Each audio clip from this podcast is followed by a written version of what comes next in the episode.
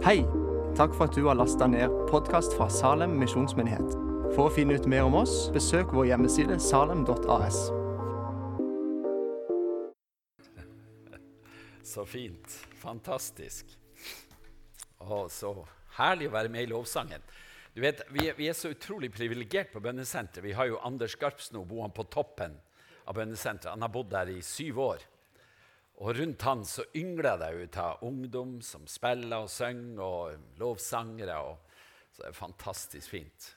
Og vi som elsker å lovprise Jesus, det, det, er så bra. Takk, Ivar. Det, var, det er fantastisk. Eh, dere er jo så utrolig dyktige her nede i Sør-Norge. Vi har veldig respekt for søringene. Jeg tok med meg en gitar, så eh, det skal ikke være sangkonkurranse her. men... Eh, For ikke kan jeg spille og ikke kan jeg synge sånn som han. Men jeg har, en, eh, jeg har akkurat sunget inn en ny plate som heter 'Å, for en kjærlighet'. Jeg har tatt en del av de gamle sangene til Hans Inge og litt sånn miksa dem opp en del nye lovsanger og en del gamle sanger. Så det ligger der ute. 180 kroner. Jeg vet ikke om dere har CD-spillere lenger i bilene? Noen har vel det. De fattigste av oss, kanskje. Det, er ikke CD-spiller i Teslaen, er det det? Nei. Det er slutt med det. Men eh, hvis du fortsatt har det, så få med deg en, plate der ute, så eh, har du noe å høre på. Men jeg, du ser, for, for et par måneder siden så var jeg i en sånn flott menighet borti Sandnes som het eh, Fredheim Arena. Jeg vet ikke om dere har hørt om den. Det, det er en veldig fin menighet i vestlandsk Indremisjon. Og de har en utrolig historie hvordan de har fått det der Eh, bygget sitt. En forretningsmann som kom og spurte hvis han fikk overta det gamle bedehuset de hadde i sentrum på Sandnes, og tomta deres, så skulle, bygge, bygge han, skulle han, bygge et svært uh, kirkebygg til dem. Og så gjorde han det. Leide et flott lokale mens han bygga, og så ga han de et sånt uh, bygg. Og Det var så fint vær der. Og der uh, hørte jeg om en kar som jeg hadde trodd har vært fra Telemark, men han var derifra. Og han har skrevet noen sånne utrolig fine sanger du som kan denne eh, sangen, vær med meg på den. For den er så utrolig fint sagt. Hvor stort, min Gud, at jeg ditt barn får være. Og leva i det frie nådespad. Det alt er ferdig, jeg skal ikke gjøre men berre kvila i det du har sagt. Det alt er ferdig, jeg skal ikke gjøre, men berre det du har sagt. Jeg ber deg lei du meg igjennom verden. Jeg er så veik, jeg er ifra land. Det er mange var som gikk seg vill på ferda, og slepte taket frelser han. Det mange var som gikk seg vill på ferda og slepte taket i. De frelser han. Men hør på tredje verset, det er så bra. Men hvis deg veit du maktar fast meg kalla, for det har du lova Du visste alt om meg før du meg kalla og ga meg plass ved nådens rike bord. Ja, du visste alt om meg før du meg kalla og ga meg plass ved nådens rike Lat meg få sjå på deg når synda dåra. Lat meg som barn ditt faders auga sjå. Da veit eg vist at gjennom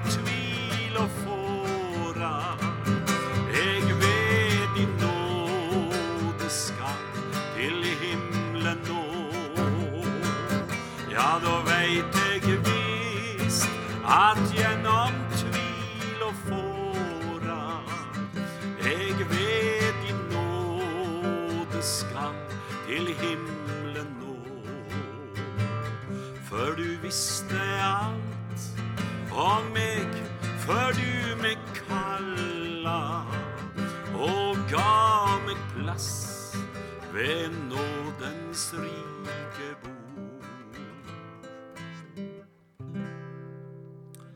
Er det bra sagt? Tenk på det, folkens. At han visste alt om oss før han kalte oss. Og så likevel tok han sjansen på oss. Sånn en type som er. Det er fantastisk. Det er Guds nåde. Takk, Jesus. Du vet at det er ferje og fart der rundt omkring noe voldsomt. Denne uka som har gått nå, så har jeg vært på Hedmarktoppen. Eh, på bønnekonferanse der. Eller først var jeg i Jesus Church, der de har hatt en sånn 100 timer med bønn og lovsang i Oslo. Det var veldig fint. Og så har jeg vært på bønnekonferanse på Hedmarktoppen, og så har jeg vært litt med på Encounter nå, da, før jeg for hit. Og så midt oppi det her så fikk jeg meg en lungebetennelse på fredag, så måtte jeg til doktoren. For at, så nå går jeg på antibiotika. Så eh, hvis det er sånn halvkar du opplever i kveld, så kan du skylde på det. Men så fins det jo noe som vidundermedisin som heter Paracet, så det er jo fabelaktig. Eh, men nå skal, jeg, nå skal jeg på ferie etterpå. Jeg skal reise ut til, til Seløya, til øya der jeg kommer fra, Pelgrimskysten. Veldig fint å være sammen med barnebarna. Jeg har jo 16 barnebarn, så eh, det er flott. skal vi fiske i lag og synge i lag og danse, gjør de, så det blir, det blir herlig være i, lag med de. De, de. De er jo så artige. Jeg har jo sitert litt av barnebarna eh, før her. Og nå her om dagen, bare for to-tre dager siden, så var den ene jenta som sa det. Hun er, fire, hun er tre år gammel, ja. Og så sa hun jeg syns det er så rart at Jesus får gå rundt i hjertet mitt, sa hun. Og det, og det, det kan jo være litt pussig, det, da. Og så, og så har vi ei annen som er fire. da. Hun, hun lå på armen min en morgen da, i påsken. Og så har vi, Det var på, på langfredag, så lå hun i lag med og Liv, kona mi. Og så, og så lå hun der og prata og fortalte om det som har skjedd dagen før. Og så hadde de feira nattvær hjemme, eldste sønnen min og, og familien, da, på skjærtorsdag. Og så sa hun, så, sa hun at vet du, i går, papp, eh, bestefar, så, så drakk vi rød saft, for det var Jesu blod, sa hun. Og så spiste vi sånne små biter med polarbrød, og det var lysebrunt, for det var jo huden til Jesus. Så Det er ganske artig hva slags oppfatninger de har ut av ting. Det er fantastisk å, være bestefar. Det, det er altså så rikt. Skal vi se, Nå skal, nå skal jeg lese litt grann hos dere her. Jeg, jeg har tenkt så på hva jeg skulle si her i kveld, og prøvd å koke det i hop noe, så dere får se hvor det går etter hvert. Gud er jo god og nådig med oss. Eh, men jeg, jeg tenkte på det at eh, vi går inn i en sommer. De fleste av oss går jo inn i en, en sommer, en sommerferie nå. og eh, Kanskje skal ha noen uker. Jeg skal tre uker ut på Selja. Det er veldig fint. Eh, og du har kanskje tre uker her eller fire uker her, der. Og så eh, går vi inn i på en måte en sånn, en sånn hvilepuls på mange måter. Eh, men så tenkte jeg skulle snakke litt om det, den velsignelsen som ligger i det å ha et trofast liv med Gud i hverdagen. Det å vandre med Gud, det å leve med Gud i hverdagen, og hvordan ut ifra det så virker Gud i vårt liv. Eh, og der vi er virkelig en forskjell i den verden som vi lever i. Og Vi skal lese litt fra Filipperne 2,14.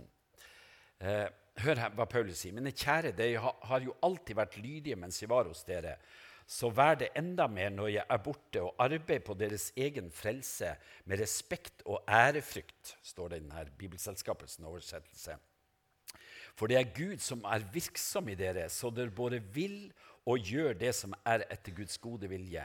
Gjør alt uten murring og misnøye, så dere kan være uklanderlige og rene. Og hør her Guds barn uten feil, midt i en vrang og villfaren slekt.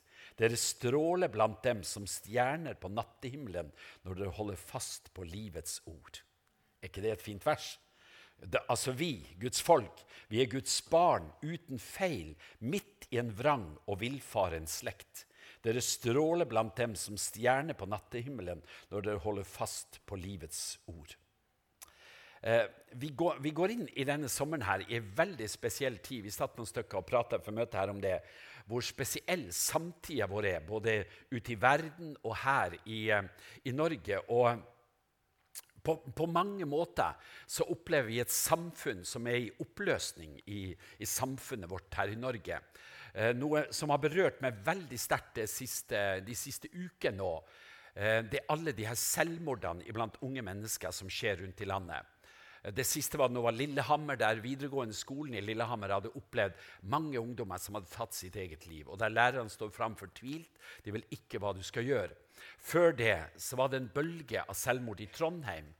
Og For et par-tre dager siden så var det en stor artikkel i, eh, i Adresseavisa hvor utslitt helsepersonell i Trondheim var pga. ungdomsproblemene i byen. Altså ungdom som sliter så enormt psykisk, og som går og tenker på selvmord, ta sitt eget liv, driver mye med selvskading.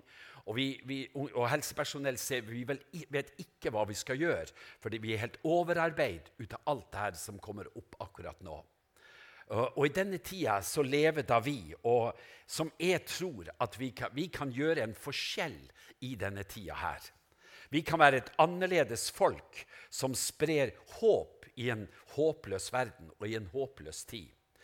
Og det der Jeg har sånn veldig tro på bønnelivet ditt og mitt. At vi kan gjøre en forskjell med vårt bønneliv. Jeg møter jo så mange som sier at ja, men mitt bønneliv er så svakt, og mine bønner betyr ikke noe. Men hvis du ser både i Guds ord og i kirkehistorien, så er det ofte enkle mennesker sånn som oss som Gud har brukt til å forandre samfunnet gjennom at de har bedt til Gud.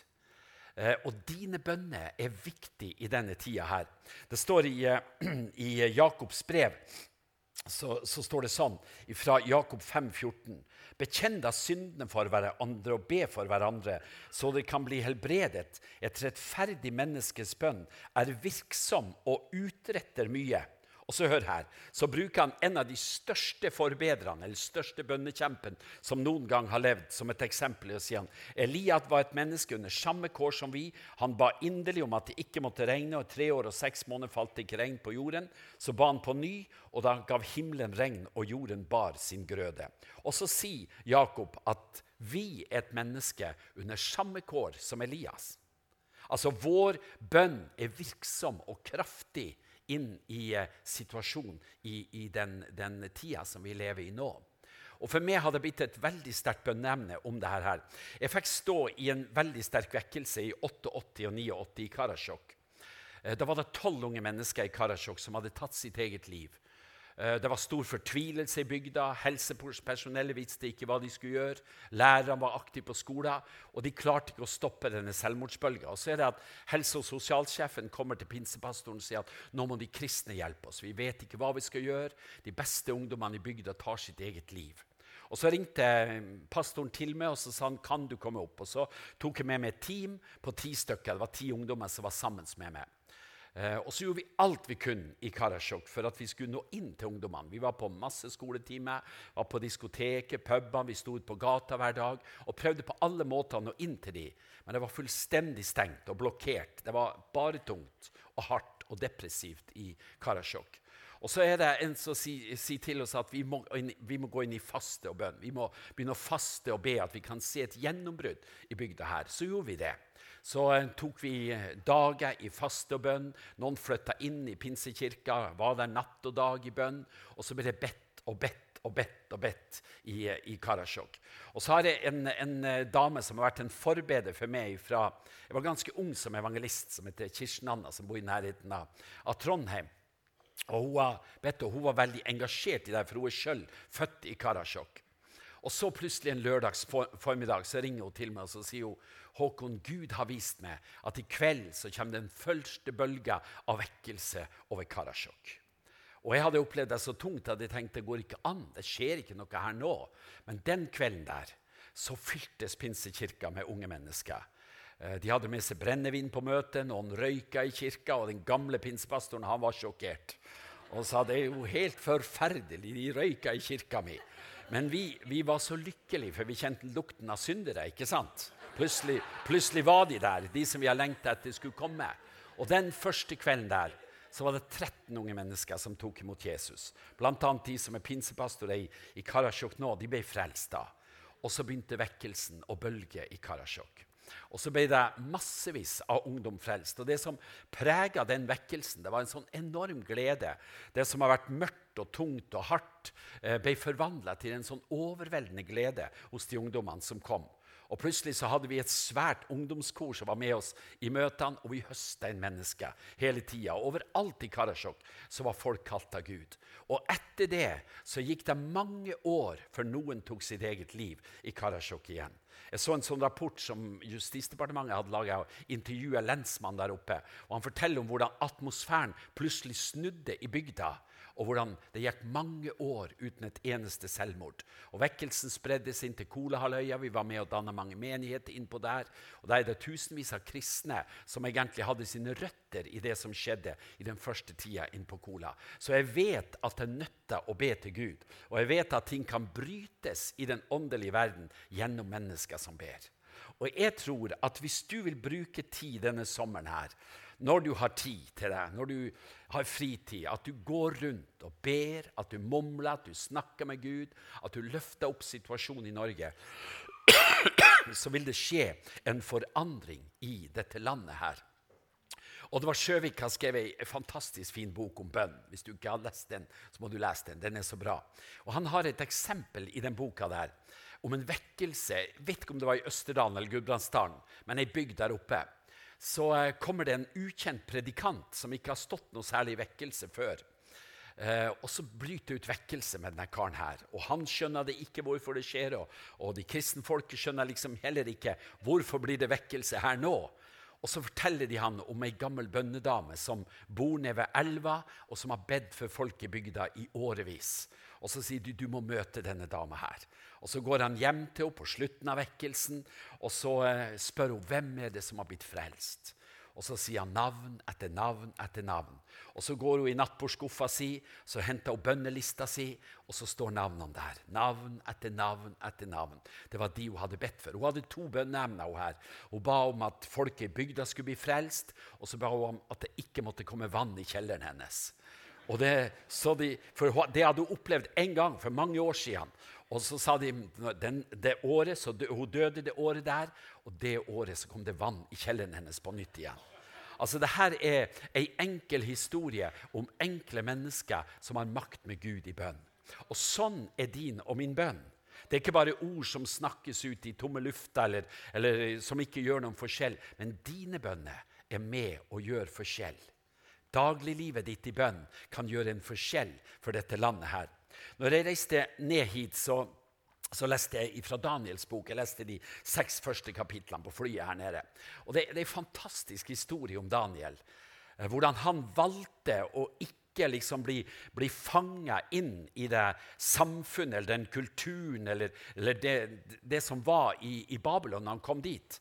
Eh, kongen har jo bestemt at han skulle spise av kongens mat, han skulle få ei, bra stilling, han skulle liksom bli, bli, bli fremmet av kongen der. Og, og, så bør Daniel kan ikke isteden få lov å bare spise grønnsaker og drikke vann en ti dagers tid. Og så kan vi se hvem som ser best ut ut av de som har spist kongens mat, eller eller vi gutta som bare spiser grønnsaker. Og så vet vi hva som skjer, at han ser mye bedre ut, og han, det blir bestemt at han skal få lov å leve et annerledes liv. Og Da ser vi en mann som er så dedikert til Gud med livet sitt at han vil ikke leve sånn som denne verden. Han vil leve annerledes. Så det er to ting med Daniel sitt liv. Det er den overgivelsen til å ikke la seg sluke opp av den kulturen man, eller det samfunnet som han blir en del av, og så er det hans bønneliv. Så står det om Daniel, hvor han, han tre ganger om dagen åpner sine vinduer, ber mot Jerusalem, og vi finner en mann som lever i bønn. Og hva er det som skjer ut ifra det livet der? Jo, han blir en, en person som preger historien med sitt liv. Han er overgitt til Gud, går ikke på kompromiss, og så lever han et liv i bønn. Det, vi hører ikke så mange spesielle ting fra Daniel sitt liv. Han levde jo et langt liv, overlevde tre konger i, eh, i Babylon. Men vi kjenner til Daniel i løvehula, det har vi fra, eh, fra barnelærdommen vår. Vi kjenner om skrifta på veggen, dommen over Nebukadnesar. Og vi kjenner om denne fyrsten på leirføtter som, som raser sammen. Og Det er sånne, sånne hotspot liksom i Daniel sitt liv. Sånne hendelser som løfter fram denne mannen og makten han hadde med Gud. Men utenom det så det går det et langt liv med et daglig liv der Daniel lever med sin Gud. Og ut ifra det så flyter Guds velsignelse, og så blir han brukt på en spesiell måte. Og Sånn er det faktisk med oss også. Hvis vi lever et dagligliv med Gud, der vi bruker tid sammen med Han, der vi bestemmer oss for jeg skal ikke slukes opp av min kultur, jeg skal ikke slukes opp av samfunnet og bli akkurat sånn som de andre. Jeg vil være en annerledes person. Jeg vil være sånn som det sto her i, uh, i Filippe-brevet. Guds barn uten feil, midt i en vrang og villfaren slekt. Dere skal stråle blant dem som stjerner på nattehimmelen når du holder fast på livets ord. Er ikke det fint sagt? Og det er oss som Guds folk som skal få lov å være det annerledesfolket. Jeg, jeg, er så, jeg er så lykkelig at jeg har fått lov å leve med Gud et langt liv. Jeg ble frelst som 15-åring her i Kristiansand. Og så har jeg levd et liv med Gud da, i hverdagen min. En sånn som går og mumler og snakker med Jesus hele tida. Og jeg er kobla. Og så synger det mye her inne. Jeg har mye lovsang i hjertet mitt, så det, det er toner og turer og durer her inne da, av lovsang. Og sånn får jeg lov å leve hver, hverdagen min. Men så opplever jeg at ut ifra det livet der så får jeg være med på utrolig interessante ting sammen med Herren.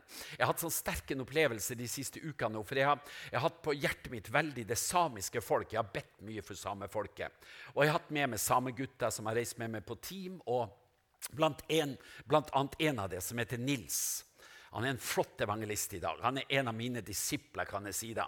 Eh, han har jobba ni år for kongen på Kongens slott, kjenner Harald og Sonja veldig godt. Og, og så ender han ut i alkoholisme og narkotika etter, etter tida på slottet. for sparken på slottet.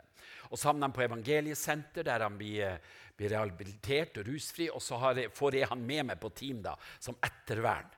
Og så ser jeg potensialet i ja, Nils. Han her er en bra evangelist. Så jeg er med på en måte som en gammelt økende evangelist som kan jo åpne dører for de her ungguttene. Og så har han fått en sånn fantastisk inngang i Finnmark av Nils. Og På søndagskvelden så ringte han ned. Han hadde møte i Alta som vært så fantastisk. Mange hadde blitt frelst, syke hadde blitt helbredet, og Gud har vært der med sin kraft. Og Da står jeg som en gammel evangelist og takker Gud. Takk, Herre, for at en del av mine bønner er blitt oppfylt gjennom denne karen her. Og skal du høre en interessant historie som jeg fikk omtrent samtidig, eller litt før, så er det en reindriftssame fra Kautokeino som ringer meg. Uh, og så um, sier han at 'jeg har vært så lengtende etter Gud', sa han.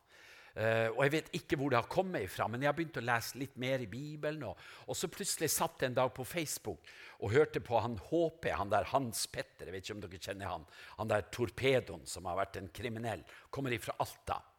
Uh, og Så forteller han vitnesbyrdet sitt, og så sier han han HP han sier på slutten hvis du vil bli en kristen, så kan du be denne bønna sammen med meg. Og så gjør jeg det, sa han. Og så skjer det noe forunderlig med meg, siden det karen. For det går en kraft igjennom meg, fra toppen av hodet og ned gjennom føttene og ut gjennom armene. Og jeg blir helt rysta og skaka av en kraft som jeg aldri har vært borti før. Og jeg tenkte, hva er det som skjer med meg? Og så sa Han så, han har en stor reinflokk på fjellet. han der karen. Og så sa han jeg hadde pakka utstyret mitt, jeg skulle opp til, til reinflokken der og være i 14 dager. Så jeg for oppover med scooteren oppover der, sa han. Og så fikk jeg ikke sove, for jeg var så gjennomrysta av det som hadde skjedd. Eh, og så uh, tenkte jeg at jeg må bare våkne. Så, eller må bare, han, Kameraten min sa han må bare våkne, så jeg får fortalt han det. Og så eh, Klokka sju så vekka jeg kameraten min, og så fortalte han det Jesus har gjort i mitt liv. Og han trodde det var blitt gal, sa han. Så det var jo greit. Men så, så, kjente jeg seg på og Han har bakgrunn i læstadiansk kristendom der oppe, bakfor før. da.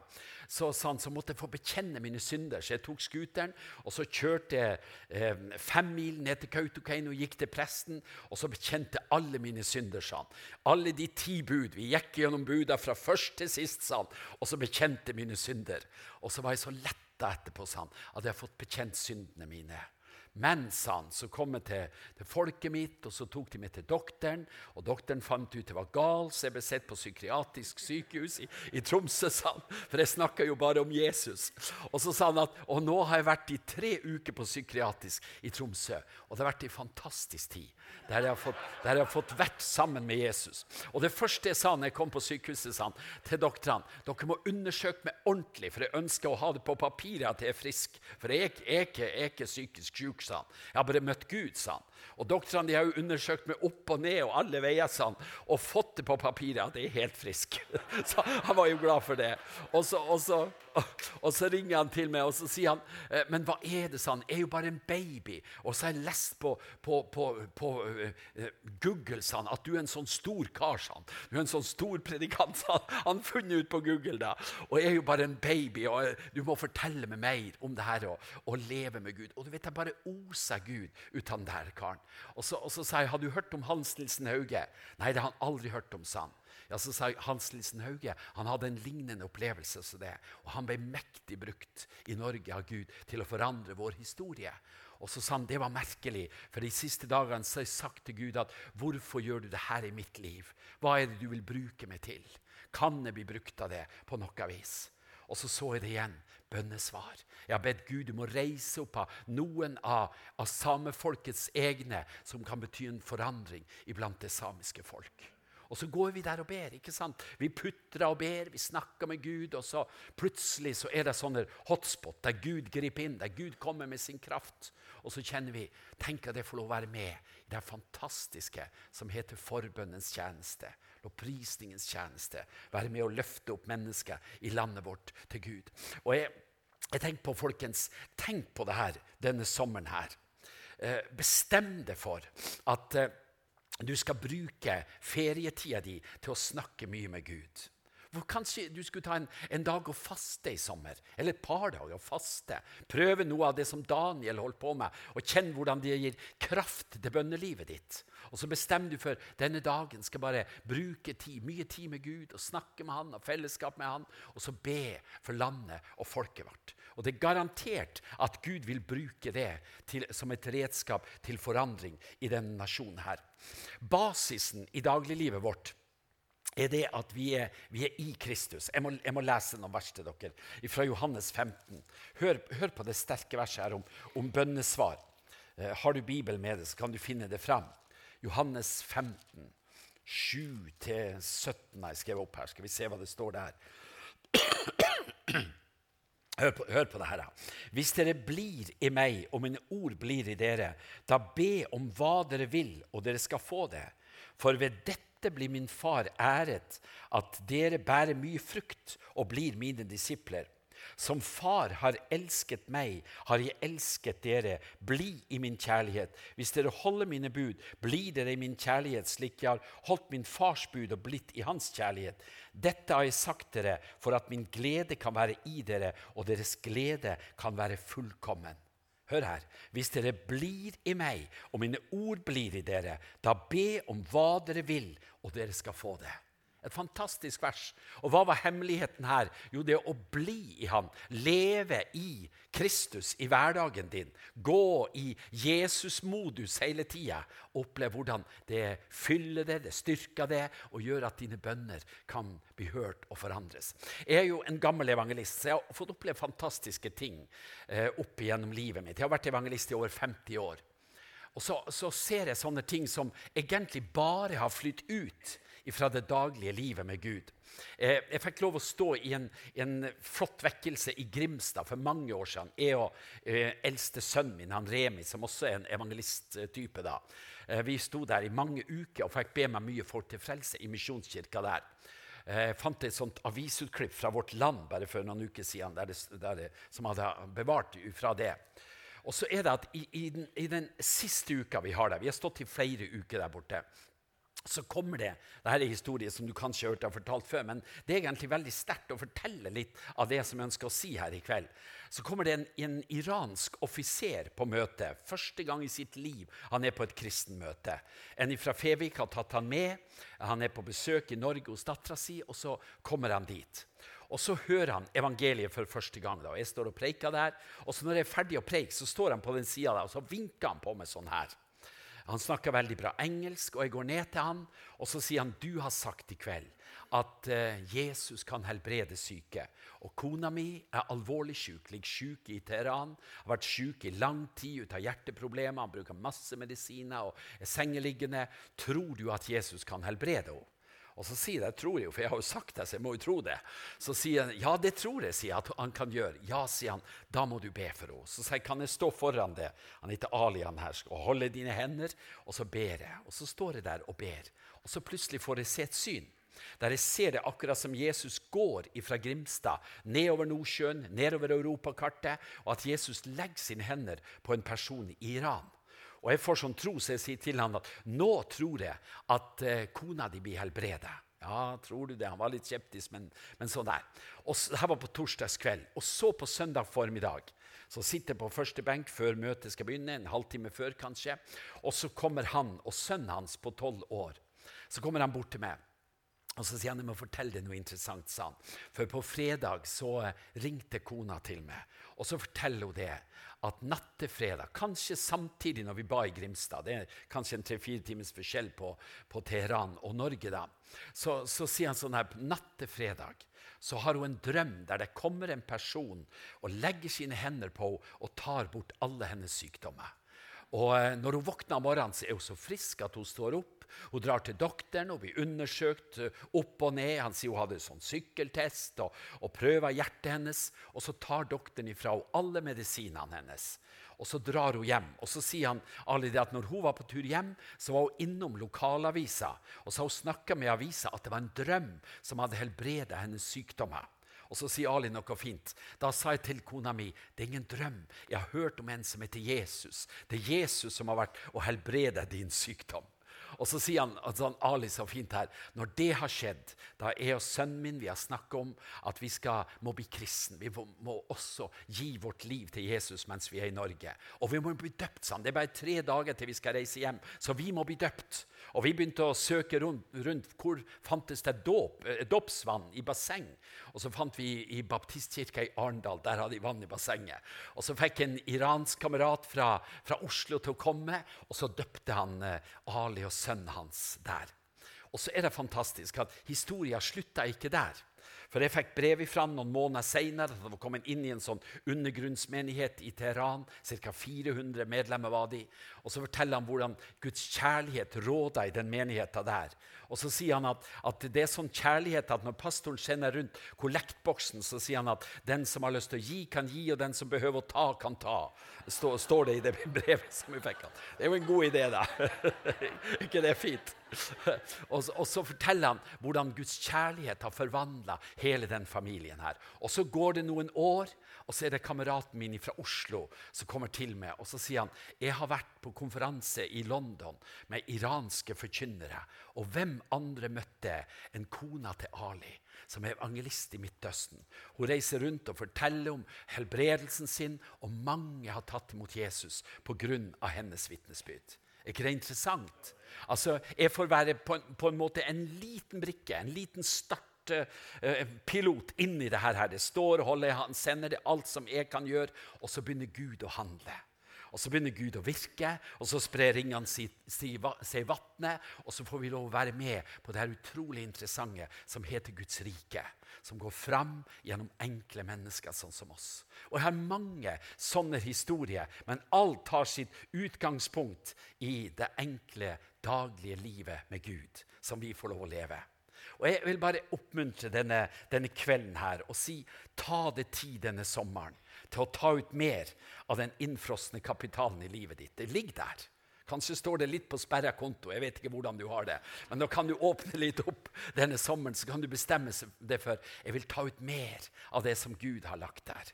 Og så tenker du ja, men hvordan skal jeg få det til? Jeg er så stressa og alt mulig her. her. Ta det tid til opprisning og tilbedelse. For meg så, så, så betyr takken og lovprisningen så enormt i mitt bønneliv. Det står i Salme 100.: Gå inn gjennom hans porter med takkesang, og inn gjennom hans forgårder med lovsang. Det står ikke at når du kommer innafor, så skal du begynne å synge lovsanger. Men gå inn. Bestem det på forhånd at når du går inn i bønn, når du går inn i Guds nærhet, så begynn med lovprisning tilbedelse, takk. Finn noe godt å takke for. Jeg vet, jeg vet ikke hvor mange tusen takkebønner jeg har, gjort for kona mi. Tenk at hun Liv vil ha en sånn omreisende tulling som er som færre og flakker rundt omkring. Og har vært trofast og oppdratt barna våre. Det er hun som har gjort det. Jeg har ikke noe ære for det. Det kan jeg, kan jeg godt si, for jeg har reist og farta så mye. Og jeg har sender så mye takk til himmelen for kona mi, for barna mine, for barnebarna. Du kan ta tak i dagligdagse ting, og så kan du legge deg til grunn for din takknemlighet. Jeg bruker å si det at vi i Norge vi skulle være nummer én på lovprisning og takk. Jeg vet ikke om dere har sett den lille eh, videosnutten som ligger på YouTube, som han er Eira, han komikeren, har laga. Der han, han, har undersøkt hvilket land i verden er det lettest å bli millionær i. Og Jeg har jo bestandig trodd det var USA eller noen av de der landene. Men han har funnet ut det letteste i landet i verden å bli millionær i, det er Norge. Langt over de andre, egentlig. Helt utrolig. Og det her landet lever vi med den ufattelige rikdommen som vi har.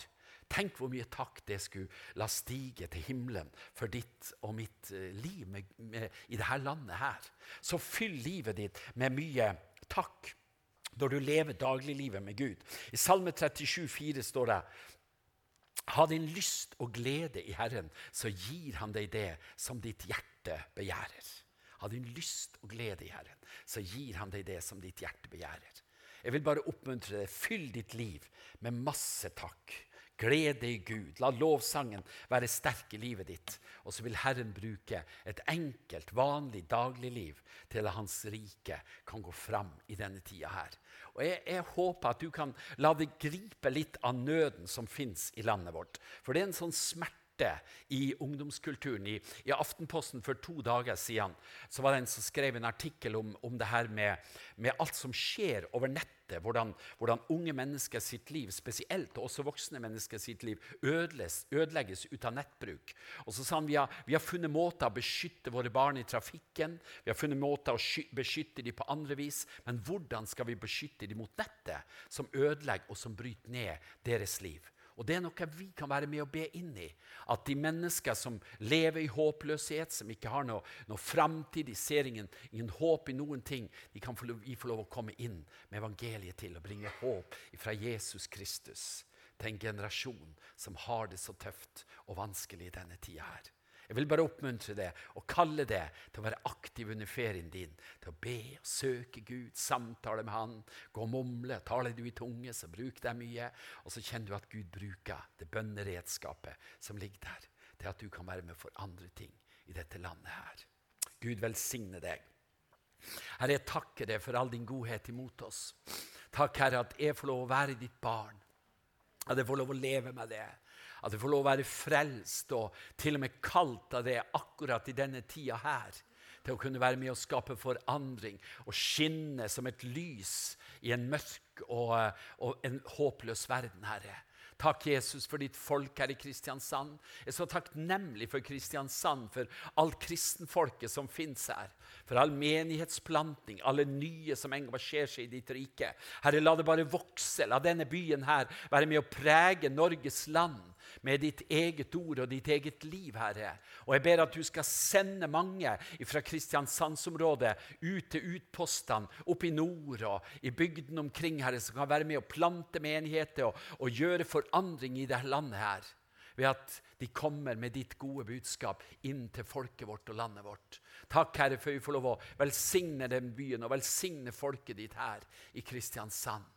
Og Jeg ber at det skal bli en spesiell sommer. La det bli en innhøstningssommer i Kristiansand. Du ser det som skal skje av festivaler og evangelisering i byen. Jeg ber at det skal bli lett å se mennesker frelst i byen her denne sommeren. Herre, bruk oss som ditt folk, og la oss få være med og høste inn mennesker i denne tida her, mens det ennå er tid. Takk at du er en sånn god Gud. Lovet være ditt dyrebare navn for all din godhet imot oss. Halleluja. Halleluja. Så ber jeg at du skal bruke oss til helbredelse, til tegn og under. Jeg ber Jesus at du skal la kraftgjerninger skje gjennom vårt liv. Når vi lever livet med det i Kristus, så skal det flyte fra vårt liv, har du sagt. Strømmer av levende vann. Og vi vil være brukt av det i denne tida, Herre. Ta oss den enkelte. Led oss og bruk oss ved Din Hellige Ånd. Jesu Kristi navn vi ber.